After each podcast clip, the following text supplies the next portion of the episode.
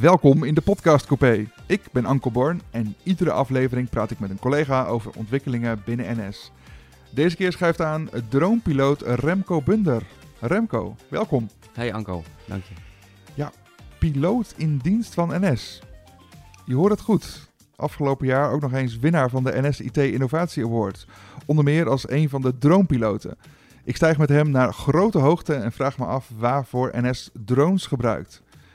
En wat de mogelijkheden zijn voor de toekomst. Ready for take-off. Dit is de Podcast Coupé. Nou, de drone staat klaar.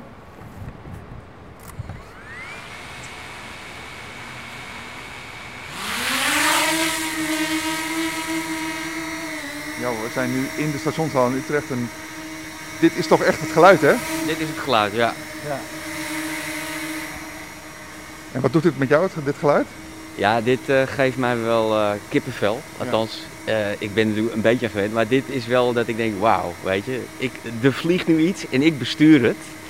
En ja, ik, misschien had ik wel piloot moeten worden. Maar, maar dit is echt de next best thing. Hè? Dat je toch een device hebt wat je zelf kan besturen. Dus ik vind het, ja, ik, ik word hier blij van. Dit, we halen toch een beetje de toekomst in huis op deze manier. Zeker. ja, wat God laat me zeggen, 1969 eerste man op de maan. Hè, uh, dat we gingen vliegen. En nu uh, ja, kan ja, de, de gemiddelde Nederlander zou zelf een drone kunnen besturen. Je, je, moet natuurlijk wel wat diploma's halen en zo, maar... Ja, want die heb jij, maar even voor nu, we staan in Utrecht Centraal. Yeah. Dit is ook een plek waar de drone ook echt gebruikt wordt. Klopt dat? Ja, dat klopt. Wij, nou, we hebben twee soorten drones. Drones waar je mee binnen vliegt en drones waar je mee buiten vliegt. En uh, nou, in Utrecht Centraal is het fijne dat dat maakt geen onderdeel uit van het uh, luchtruim. Omdat het uh, natuurlijk helemaal overkapt is en gesloten. En daarmee kunnen we ook met een speciaal type drone vliegen die gekooid is. Zodat we makkelijk ook op ruimtes kunnen komen waar we nooit bij kunnen komen. Dus de moeilijke ruimtes, daarvoor is de drone? Daar is deze drone voor. Dat is de Helios. Ja. Helios 2. En daar zijn we bijvoorbeeld ook al uh, in, uh, in de fietsenstalling geweest hier ook, de nieuwe fietsenstalling. Maar ook al in de Moreelse brug hebben we ook uh, gevlogen. Dat is een afgesloten In de brug? In de brug, ja, die is helemaal hol. Heel, collega's zullen de Moreelse brug kennen, want naast het station, over het spoor. Maar daar kun je dus in? Ja, ja, ja, ja daar kun je in, als in hij is hol. En dat is ook omdat er staan bomen op. En, uh, en de mensen zullen ook wel denken, het herkennen dat er een, uh, ja, regelmatig water uit uh, die brug naar beneden komt lopen. En voorheen was het zo, als je daarin wilde kijken, dan moest je echt om de 50 meter zitten een soort put. Die moest je opentillen of openmaken. Dan ging er iemand in, die moest er op zijn rug op een karretje er doorheen. En nou, dat was ook best wel lastig, maar ook gevaarlijk. Ja, dus je kunt wel zeggen dat in die brug, dat is wel echt zo'n moeilijke ruimte waar jullie dus met zo'n drone naar binnen kunnen. Ja, die, die, die, die, die, zetten we de, die drone die zetten we erin. En die kon gewoon hups, nou, 50 meter uh, of 100 meter uh, vliegen. Uh, droneopnames maken, videobeelden. Want er zitten ook hele sterke lampen in. En dan konden we na afloop konden we gewoon heel rustig kijken van joh, waar zitten nu de probleemgevallen. Ja, want jij bestuurt hem dan, maar waar wordt dan naar gekeken als het over die beelden gaat? Nou ja, uh, naar roestvorming, uh, ontzetting. Uh, naar, nou, er lag heel veel water bijvoorbeeld, was, wat we al heel snel zagen. Er werd heel veel water vastgehouden. Dat is net een soort van tiki-bad, zullen we zeggen. Qua, qua, qua Het zijn echt de geheimen van Utrecht Centraal, die worden ja, geopenbaard dankzij de drone. er is een tiki-bad in het Moreelse brug, zullen we zeggen. Ja. wat hebben we nog meer gezien? Nou ja, bij de fietsenstalling hebben we heel veel roest gezien. Ja. ook op plekken waar het eigenlijk ja, best wel lastig is om daar nu nog wat aan te doen. Ja, dus het is als het samenvat een, in, een visuele inspectie. Ja, het is een visuele inspectie. We kunnen niet uh, echt dingen voelen en aanraken.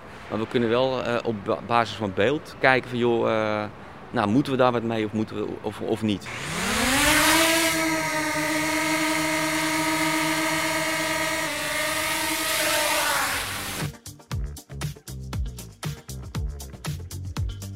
Ja, we zijn even op een rustiger plek gaan zitten. de drone is weer neergedaald. Ja, want dronepiloot is uh, voor NS dus, is dat iets wat je de hele week doet? Hoe moet ik dat zien? Nee, ik doe het niet de hele week. Uh, er zit uh, naast het vliegen ook wat papierwerk aan. Uh, en dat is dan uh, in korte tijd heel veel. maar laat maar zeggen dat we twee of drie keer per maand maken we wel een vlucht. Het is net het echte pilotenwerk als ik het zo hoor. Ja, op dit ja, moment Maar wel. daarnaast ben je ook, maar heb je nog een andere Daarnaast ben ik informatieanalist. En, ja, en wat ik dan doe is een beetje de trends in de markt in de gaten houden. En kijk van joh, waar zouden we dit nu binnen stations kunnen gebruiken? Of ook binnen NS. Bijvoorbeeld drones. Bijvoorbeeld drones. Ja. Of andere zaken. Tijd om even wat verder te praten. Want ja, wat zijn nou die momenten verder nog waar die drone nu op dit moment voor in de lucht eh, stuurt bij NS? Nou, we sturen ze in de lucht om eh, nou ja, eh, te ondersteunen bij bouwkundige inspecties. Maar wat we ook nu veel doen is een, aan de buitenkant vliegen om ook 3D-modellen te maken van een object. Dus denk aan een, de klokkentoren van Enschede. Maar, en we zijn nu ook bezig om... Want die hoort bij het station. Of? Ja, die staat op het station. Ah. En kijk, normaal zouden ze dan één keer per jaar eh, een stijger om zo'n toren heen maken. Om dan te kijken, joh, eh, nou, zitten alle steentjes nog recht? Eh, gechargeerd dan. En maar nu kun je met een drone kun je eromheen vliegen volgens een van tevoren bepaald patroon. En dan kun je heel nauwkeurig in beeld brengen hoe, wat de staat van die toren is. En wat zijn nog meer momenten waar de drone van pas komt? Nou, we hebben hem gebruikt in Rotterdam. Daar heb je een, een ruimte tussen het plafond en het dak. Dat noemen ze het planium.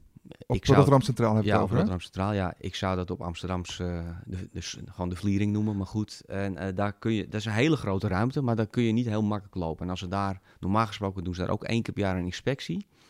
En daar zouden ze normaal alpinisten gebruiken om dan, nou, laat maar zeggen, nou ja, door die ruimte heen te gaan. En nu hebben we dus met een speciale drone, een gekooide drone, de Helios, hebben we daar doorheen gevlogen en hebben heel goed kunnen kijken, joh, wat is nou de staat van die ruimte. Een gekooide drone op de vliering van Rotterdam Centraal. Ja. Maar dus dat zijn allemaal eigenlijk visuele inspecties, kan ik het Ja. zo noemen? Ja. Ja. En naast die visuele inspecties hebben we dan ook nog de mogelijkheid om te modelleren.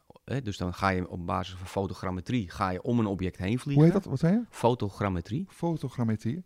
En eh, dan maak je dus heel veel foto's van een object. En dan gaat die software die gaat, eh, daarmee aan de slag. En die maakt dan een 3D-model van het object wat je in kaart hebt Aan gebracht. de hand van de drone, want de drone is dan even de fotograaf die in de lucht Ja. van alle kanten foto's maakt. Ja. Kijk. Heel, en de, de voordelen daarvan? Want wie heeft daar... Nou, de, de voordelen zijn dat het eh, snel kan. en dus ook minder overlast voor de reiziger. Ehm, het, eh, het kan veilig. Hè. We hoeven niet iemand eh, op een steiger te sturen en eh, met allerlei borgingen. En nu kun je gewoon een drone de lucht in sturen, die inspectie laten uitvoeren. En natuurlijk zijn er heel veel Ja, veiligheidsmaatregelen. want daarna heb je natuurlijk als er wat moet gebeuren altijd nog iemand nodig die vervolgens aan de slag kan. Maar we hoeven niet iemand 20 meter een steiger in te sturen. Ja, we doen dit nog niet zo lang. Ho- hoe lang? Eh, nou, nu, ja, we zijn 2,5 jaar geleden begonnen. Ja, ho hoezo? Ehm, nou, ik liep op het station een keer en toen zag ik wat mensen met een ladder bezig. En toen dacht ik, ja, dat is toch ook wat. eh, dat, dat kan toch ook makkelijker met een drone. En nou, toen ben ik eh, met het idee naar, eh, naar de manager onderhoud gegaan. Ah. En die zei van, nou, dat vind ik eigenlijk ook wel een leuk idee. Dus jij kwam bij de manager stationsonderhoud en die dacht, nou, Ja, laten we het dus doen. ik ging naar Jille van Sluis en die, die houdt al van, van dingen proberen. En die zei, Remco, ga het maar doen. En toen dacht ik, hè, eh, bedoel je dat ik het ga doen? Toen zei ze, ja, ga, koop maar een drone en ga maar onderzoeken wat we ermee kunnen. Maar dat is toch fantastisch dat dat gewoon kan bij NS, hè? Dat is geweldig. Ja. Dat- Ja, maar dat, dat maakt ook dat ik vind dat ik een hele leuke baan heb. Wat, wat ik, hè, ik bedoel, ik, kan heel veel dingen proberen en niet alles lukt. Hè. Ik bedoel, eh, 10% van de dingen die ik bedenk, dat, dat vindt uiteindelijk ook echt eh, zijn doel. Maar die ruimte is er wel. En op steeds meer plekken zie je dus terug dat die drone uiteindelijk de visuele inspectie eh, het onderhoud kan ondersteunen. Ja, eh, het, het- we zijn nu echt bezig. Hè. Er is inmiddels ook, eh, zijn er nu, eh, is er ook nog een extra dronepiloot opgeleid. Hè. We hebben nu in regio Noord en regio Zuid hebben we nu een dronepiloot. En jullie zijn met hoeveel? Nu met drie dronepiloten. En, ehm, en er kunnen er meer worden. En nog, toch nog even de vraag voor reizigers, om dat even dat perspectief te pakken. Wat is het voordeel voor hun? Nou, als wij een stijger zouden neerzetten, dan, dan, dan moet je toch een bepaald gedeelte van het station eh, afzetten. Ah, eh, voor een langere tijd. En ja, met een drone zetten we het eh, gedeelte af voor een halve dag. We zetten die drone er tegenaan en, en we zetten, laten hem landen. En we zijn weer klaar. ja, precies. Je luistert naar de podcast Coupé met deze aflevering te gast dronepiloot Remco Bunder. Sinds enkele jaren gebruikt NS drones voor inspecties van stations. Ligt er voor NS een toekomst voor vol met drones? Ik ben benieuwd. Ja, want welke toepassingen zijn er misschien nog meer denkbaar als we het nu toch over drones hebben?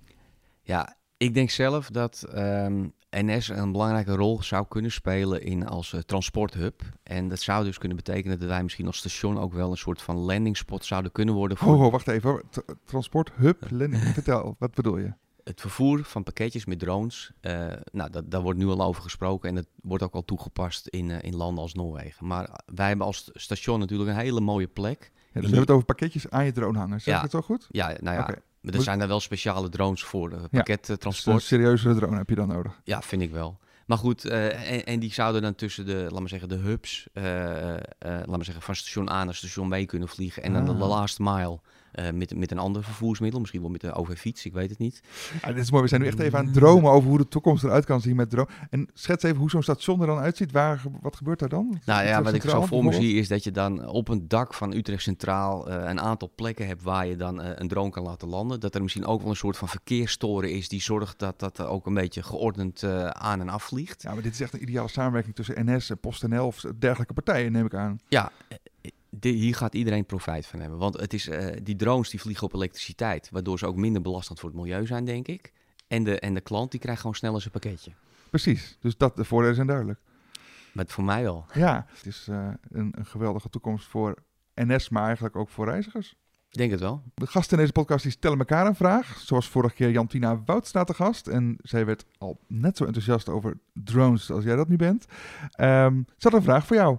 Ik ben heel benieuwd uh, of Remco met zijn drones ook een kijkje kan nemen op onze rangeerterreinen. Hij moet voor mij kijken hoeveel plek er is, hoeveel beschikbare, planbare uh, spoorcapaciteit, uh, waar onze treinen staan, op welk moment van de dag, um, zodat we nog efficiënter die knopen kunnen plannen. Nou, duidelijke vraag.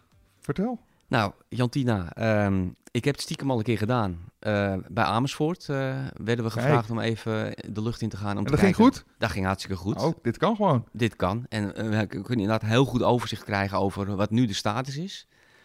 Dus nee, ik kom graag bij, bij je langs, Jantina. En dan gaan we die opstelterrein in beeld brengen. Er wordt zaken gedaan in de podcastcoupé. En dan gaan we meteen door naar de volgende gast. Dat is Maarten Bakker. En hij weet alles over de nieuwste trein van NS, de Intercity nieuwe generatie. Hij is volgende keer te gast. Uh, heb je een vraag voor hem?